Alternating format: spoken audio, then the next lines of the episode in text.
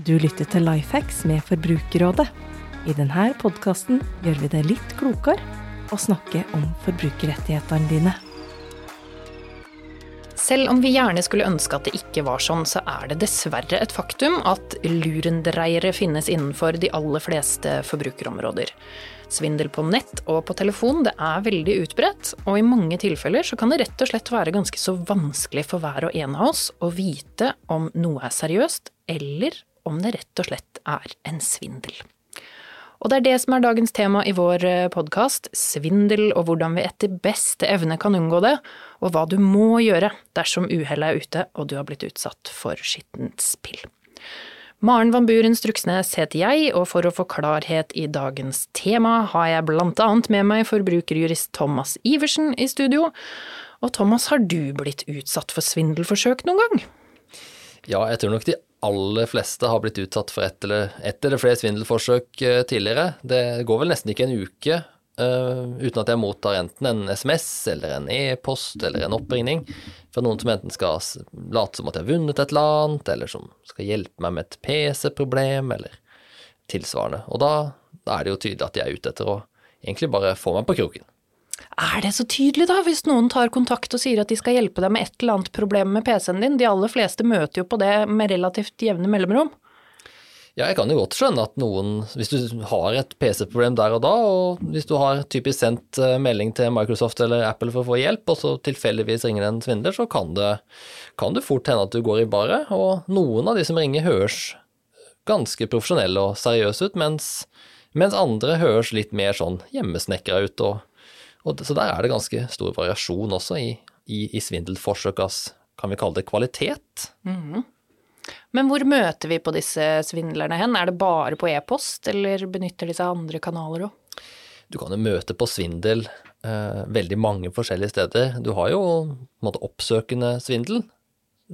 Folk som tar kontakt med deg og forsøker å lure deg. Det kan jo være alt fra at de prøver å tuske til seg personopplysninger for å misbruke de, til, til at de forsøker å selge deg et eller annet, lure deg inn i et abonnement som er Eller regelrett ID-tyveri, der man kan ende opp med å både tape masse penger eller ta opp, få tatt opp et lån, f.eks. Det er mange muligheter. I tillegg så ser vi også litt sånn av det som blir kalt for ja, salgssvindel, der du enten kjøper eller selger et eller annet uh, brukt, og du enten betaler, men ikke ser noen, og aldri kommer noen ting i posten, eller er du motsatt, der du selger et eller annet, men aldri får betalt. Det høres jo dessverre ut som vi har et lite sånn hav av eh, forskjellige svindelmetoder å orientere oss i som forbrukere, da. Veldig dessverre. Men er det noe som helst måte vi kan klare å identifisere at f.eks. en e-post eller en tekstmelding eller en telefon er svindel? Ja, det er muligheter eh, der ute, og du kan jo gjøre en del for å avdekke det.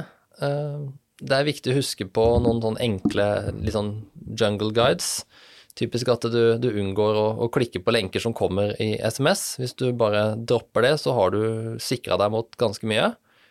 Og være litt obs på at hvis eh, bedrifter tar kontakt med deg helt ut av det blå, og tilbyr deg et eller annet, typisk at du har vunnet et eller annet, eller tilbyr et eller annet helt fantastisk, så er det veldig, veldig sjelden at oppsøkende virksomhet har de aller beste intensjonene, selv om det skulle vise seg å være et helt legitimt salg, så har du selv ikke der de beste avtalene solgt over telefon. Ja, det her pleier jeg å si til faren min, som har gått på kroken flere ganger på sånne Facebook-konkurranser, at du kan ikke vinne en konkurranse du ikke har deltatt i, far. Nei, det er jo helt sant, og det er noe vi hører om ganske ofte. Eh, at folk eh, har vunnet en konkurranse, eller at de kanskje er med eh, i trekninga nærmer seg å vinne en konkurranse, eller at de akkurat ikke har vunnet, men har fått et eller annet som trøstepremie, og det eneste man da trenger, er f.eks. mobiltelefonnummeret ditt eller adressen din eller et eller annet for å sende deg en, en slags trøstepremie. Og på samme måte, du kan ikke vinne en konkurranse du ikke deltar i. Du får heller ikke en trøstepremie hvis ikke du har deltatt. Nei, så her gjelder det å være veldig var på å gi bort personsensitiv informasjon. Man må faktisk være litt på vakt og være litt eh, obs her, fordi eh, det er, det, er en, det er, en, god del som er ute etter å, å prøve å lure deg. og Og det går litt i bølger. Noen ganger så er det mye, andre ganger så er det litt mindre. Eh, og det merker jeg jo sjøl også. Altså mengden spam og rare oppringninger kan jo variere litt. Så noen ganger så tenker jeg for meg sjøl at oi, i det siste har det vært ganske mye. Mm. Hvis noen ringer da, eh, denne typiske Microsoft-svindelen har vi jo hørt ganske mye om, når folk ringer for å skulle fikse noe som ikke er gærent med PC-en din. Hva skal man gjøre når disse menneskene ringer? Det enkleste du kan gjøre hvis du får en oppringning fra noen du ikke vil snakke med, er jo egentlig bare å legge på. Legg på. Legg på. Enkelt og greit. Det gjelder både telefonselgere, men også ting du mistenker er svindel. Så her kan vi legge folkeskikken til side og faktisk få lov til å slenge på røret? Helt klart. Du kan godt bare slenge på røret. Du trenger ikke si ha det engang. Herlig. Da får vi gode råd der. Men som du er inne på, Thomas, så er det jo ikke alltid så lett å se gjennom disse svindlene alltid. Og så er det litt viktig å huske på at dette ofte rett og slett er profesjonelle kriminelle som står bak, og en som vet uh, mye om det, det er deg, Silje Nord Johansen. Velkommen. Tusen takk for det. Du jobber med en av de formene for svindel som gjerne gir eh, størst påkjenning, og ikke minst størst økonomisk tap for eh, ofrene, nemlig ID-tyveri. Du er prosjektleder i et tiltak som kalles ID-juristen. Kan du være snill og gjøre lytterne våre enda litt klokere og fortelle hva dere gjør hos dere i ID-juristen? Det kan jeg gjerne gjøre. ID-juristen er et rettshjelpsprosjekt som gir gratis rettshjelp eh, til folk som er utsatt for ID-svindel. Og også de som har tilgang, eller problemer med å få tilgang til ID på høyeste sikkerhetsnivå. Jeg må bare nevne det òg. Mm. Eh, og vi har et samarbeid mellom Gatejuristen i Oslo ved Kirkens Bymisjon, eh, Jussbuss og Juridisk rådgivning for kvinner, og Universitetet i Oslo og Forbrukerrådet. I tillegg så har vi syv tilknyttede advokatfirmaer som bistår med sparring og tar noen saker pro bono. Det høres ut som dere har mer enn nok å drive med? Vi har det. Vi har opprettet også som en del av et forskningsprosjekt ved Universitetet i Oslo som heter Samfunnssikkerhet og digitale identiteter. Så de forsker på hvordan juss og teknologi kan skape tryggere digitale samfunn. Eh, og vi bidrar også med da empirisk data til de. Så vi er rettshjelp som forskning, og forskning som rettshjelp. Det høres ut som noe vi trenger, med tanke på alle de formene for svindel og ID-tyveri vi allerede har vært innom. Mm -hmm. Du som da sitter med denne bunken med papirer, sikkert, som, eh, som, fortvilte forbrukere kommer med til dere, kan du si litt om hva den mest utbredte formen for ID-tyveri er? Um, hovedkategorien innenfor svindel er jo da enten at svindler har overført penger ut fra kontoen til svindelofferet, eller tatt opp lån i svindelofferets navn. Vi ser også noe kjøp av varer og tjenester. Eh, men det er klart, vi, ser nå heldigvis en nedgang i de helt store lånesakene. Det er vi glad for. Eh, vi ser dessverre en klar økning i det som vi kaller transaksjonssaker, der hvor svindler på en eller annen måte har klart å overføre penger ut fra din konto. Hvordan får de til det? Det vi ofte ser, er at dette er et resultat av det som vi kaller phishing-svindel. Det er et gøyalt ord. Men det, ofte kommer det fra at svindler har f.eks. sendt deg en lenke på e-post eller på SMS, eller du mottar det fra en venn på Facebook, som antageligvis er hacket. Eh, og denne lenken tar deg til en side hvor du da logger inn f.eks. med kortinformasjon eller med bank-ID-informasjonen din. Og på den måten så får denne svindleren da tak i betalingsinformasjonen din og kan logge seg inn som deg i din nettbank. Disse lenkene de kommer ofte i veldig proff innpakning. Tilsynelatende så kommer du til riktig side. Til banken din, eller til en helseportal, eller et nettselskap, eller inkasso. Det ser veldig, veldig ekte ut, eh, men det er ikke ekte. For det svindler da vil ha tilgang til, er jo gjerne kortinformasjonen din, eller aller helst din bank-ID-informasjon. Og de har veldig mange kreative måter å få dette til på. Og de kan også ta kontakt på telefon, sånn som Thomas sa i stad. Kan utgi seg for å være fra banken din eller fra politiet. Og det de vil gjøre da, er jo å prøve å skremme deg, eller manipulere deg, eller stresse deg, eller friste deg for å få deg til å gi fra deg informasjon som du absolutt ikke skal dele. Det er eh, dessverre veldig mange måter å gjøre dette her på. Jeg kjenner nesten at jeg blir litt sånn stressa når du snakker om både profesjonelle innpakninger og eh, skumle svindlere som ringer og prøver å stresse meg og utgir seg for å være fra banken eller politiet. Hva i all verden kan vi gjøre for å sikre oss mot at vi utsettes for dette og potensielt taper mye penger? Regel nummer én er jo aldri å dele personopplysninger og innloggingsinformasjon med, med uvedkommende, med andre. Passordet til bank-ID-en din f.eks., det er din og din alene. Det må du aldri dele med noen. Men så kan man bli lurt, da. Så regel nummer to er jo å prøve å unngå å bli lurt. Og hvis man blir lurt, så er det veldig, veldig viktig å reagere raskt. Så aldri følge lenker som du får tilsendt, og legge inn bank-ID eller innloggingsinformasjon der. Selv om dette tilsynelatende ser greit ut, så vil en seriøs aktør aldri be deg om dette. De vil aldri be deg om å oppgi dette på en lenke. Men disse svindlerne er jo veldig gode på å få det til å se sånn ut, da. Blant annet så har vi dette som heter spoofing, som betyr at svindlerne kan sende deg en lenke på SMS som legger seg i de samme, den samme SMS-tråden som uh, tekstmeldingene fra banken din ligger i. Og da blir det vanskelig å se gjennom dette her? Da blir det vanskelig. Så ikke trykk på lenken. Uansett hvem den kommer fra? Nei. Gå heller til dit du tenker du skal gå. Logg deg inn i nettbanken din der du pleier. Gå inn på Altinn. Eller en helseplattform. Eller et inkassoselskap sin side, eller hva det nå enn er. Gå direkte inn dit. Ikke følg disse lenkene. Og hvis de ringer deg og sier at det haster, ikke sant? de prøver å stresse deg, nå tømmes kontoen din, dette er politiet, vi skal hjelpe deg, vi skal stoppe dette her. Og da vil jo hvem som helst bli kjempenervøse og stressa og ville få fikset problemet med en gang. Med en gang. Man vil hjelpe seg selv, eller man kan hjelpe, prøve å hjelpe de med å hjelpe deg. ikke sant? Og dette er flinke folk. Dette er proffe mennesker. Så da tenker jeg Thomas sitt råd om å overgis all folkeskikk er godt. Legg på. Ring banken direkte. Det er ikke sikkert at dette telefonnummeret de ringer fra, som ligner veldig på politiet sitt telefonnummer eller på banken sitt telefonnummer, det kan være fake. Så ring tilbake til de de utgir seg for å være fra. Ja. Legg på, ring opp igjen til banken og spør er det faktisk slik at kontoen min nå holder på å bli tappet. Ja, gjør det. Pust med magen, og gå til det stedet de ber deg om å logge inn. Men som eh, vi har vært inne på også, så skjer det jo dette her. Uhellet er eh, ute. Du har blitt ID-svindla, du har oppdaget det.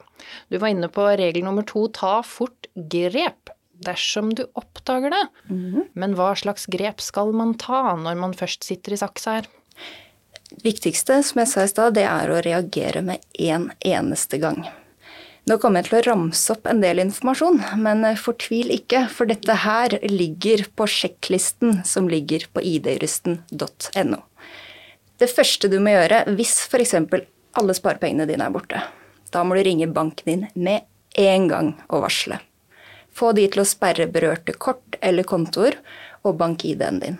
Med en eneste gang må du ta kontakt med de. Få endra passord, PIN-koder og alt som trengs. Banken din vil hjelpe deg med dette her. De må bare vite om det. Hvis man registrerer kredittsperre, da hindrer man at svindler kan ta opp nye lån eller kreditter eh, i, i, ditt navn. Og da kan man stoppe da muligheten for at noe mer kan skje. Og det er liksom den første røde knappen. Stoppe muligheten for at mer svindel kan skje. Så må man få seg oversikt, da. Hva er det som har skjedd? Sjekke gjeldsregisteret. Der vil alle usikrede lån og kreditter være registrert. Adresse til gjeldsregistrene står også på sjekklisten på vår nettside. Så kan man få ut informasjon derfra. Og da er det viktig å kontakte det hvis det dukker opp et lån der da, som du ikke har tatt opp sjøl. Ta kontakt med de med en eneste gang. Følg med på at posten kommer som normalt. Rett og slett følge med i alle kanaler. Um, og anmelde anbefaler vi også. Eh, alle disse tipsene her står på sjekklisten på nettsiden vår. Og vi anbefaler bare å reagere med en eneste gang eh, og gå gjennom dette her for å få oversikt og få stansa ting. Og så er det bare å ta kontakt med oss. Ikke nøl med å kontakte ID-listen. Kontaktinformasjon står også på nettsiden vår. Eh, og vi kan bistå med, med saken videre. Men hvis kontoen din er tom, så ring banken din først. Ja, og så ID-juristen etterpå, si. Og så kan du ringe meg. Nå har vi vært igjennom veldig mange gode råd her, Silje, og veldig mye informasjon. Har du sånn avslutningsvis en liten, en liten oppsummering som kan gi forbrukeren en, en slags ABC når de, når de skal håndtere ID-svindel? Kortversjonen er jo at du må aldri følge lenker som du mottar, og logge inn med bank-ID. Og aldri noen gang gi fra deg passordet til din bank-ID til noen. Dette er noe ingen andre enn du skal vite om og reager med en eneste gang hvis noe skjer. Ring banken din, følg sjekklisten på nettsiden vår, og ring ID-juristen. Og vi kommer til å legge ved lenker og kontaktinformasjon til ID-juristen i våre sosiale medier og i episodebeskrivelsen til denne podkasten, så da kan det være lett å finne både lista og den kontaktinformasjonen som Silje nå har gått igjennom. Tusen takk skal du ha for veldig, veldig gode råd. Jeg tror alle vi tre som står i studio her nå, vi har snakket og snakker ganske jevnlig med mennesker som er utsatt for svindel i både små og storskala. Og jeg tror vi alle kan skrive under på at mange som er blitt svindla, formidler at de føler på veldig mye skam. De føler seg lurt, og de føler seg dumme. Men der har vi lyst til å understreke noe viktig, at har du blitt svindla, så har du faktisk blitt utsatt for noe kriminelt. Og det er slettes ikke du som skal bære den skammen, det er de faktiske kriminelle som har utsatt deg for det. Jeg håper dere kan være enige med meg i det, dere to. Veldig enig. Man skal ikke glemme at dette er profesjonelle mennesker på andre siden der. Ja. Det er veldig viktig å huske på, men det er også viktig å bare være at vi er veldig tydelige på at det er helt naturlig eh, når du har blitt utsatt for en straffbar handling, å føle veldig mye rart. Mm. Det, det, vil dukke opp veldig mange rare følelser i, i hodet og i kroppen eh, rett etterpå. Eh, og det kan også være med på å, å, hindre deg i den raske reaksjonen som faktisk er nødvendig.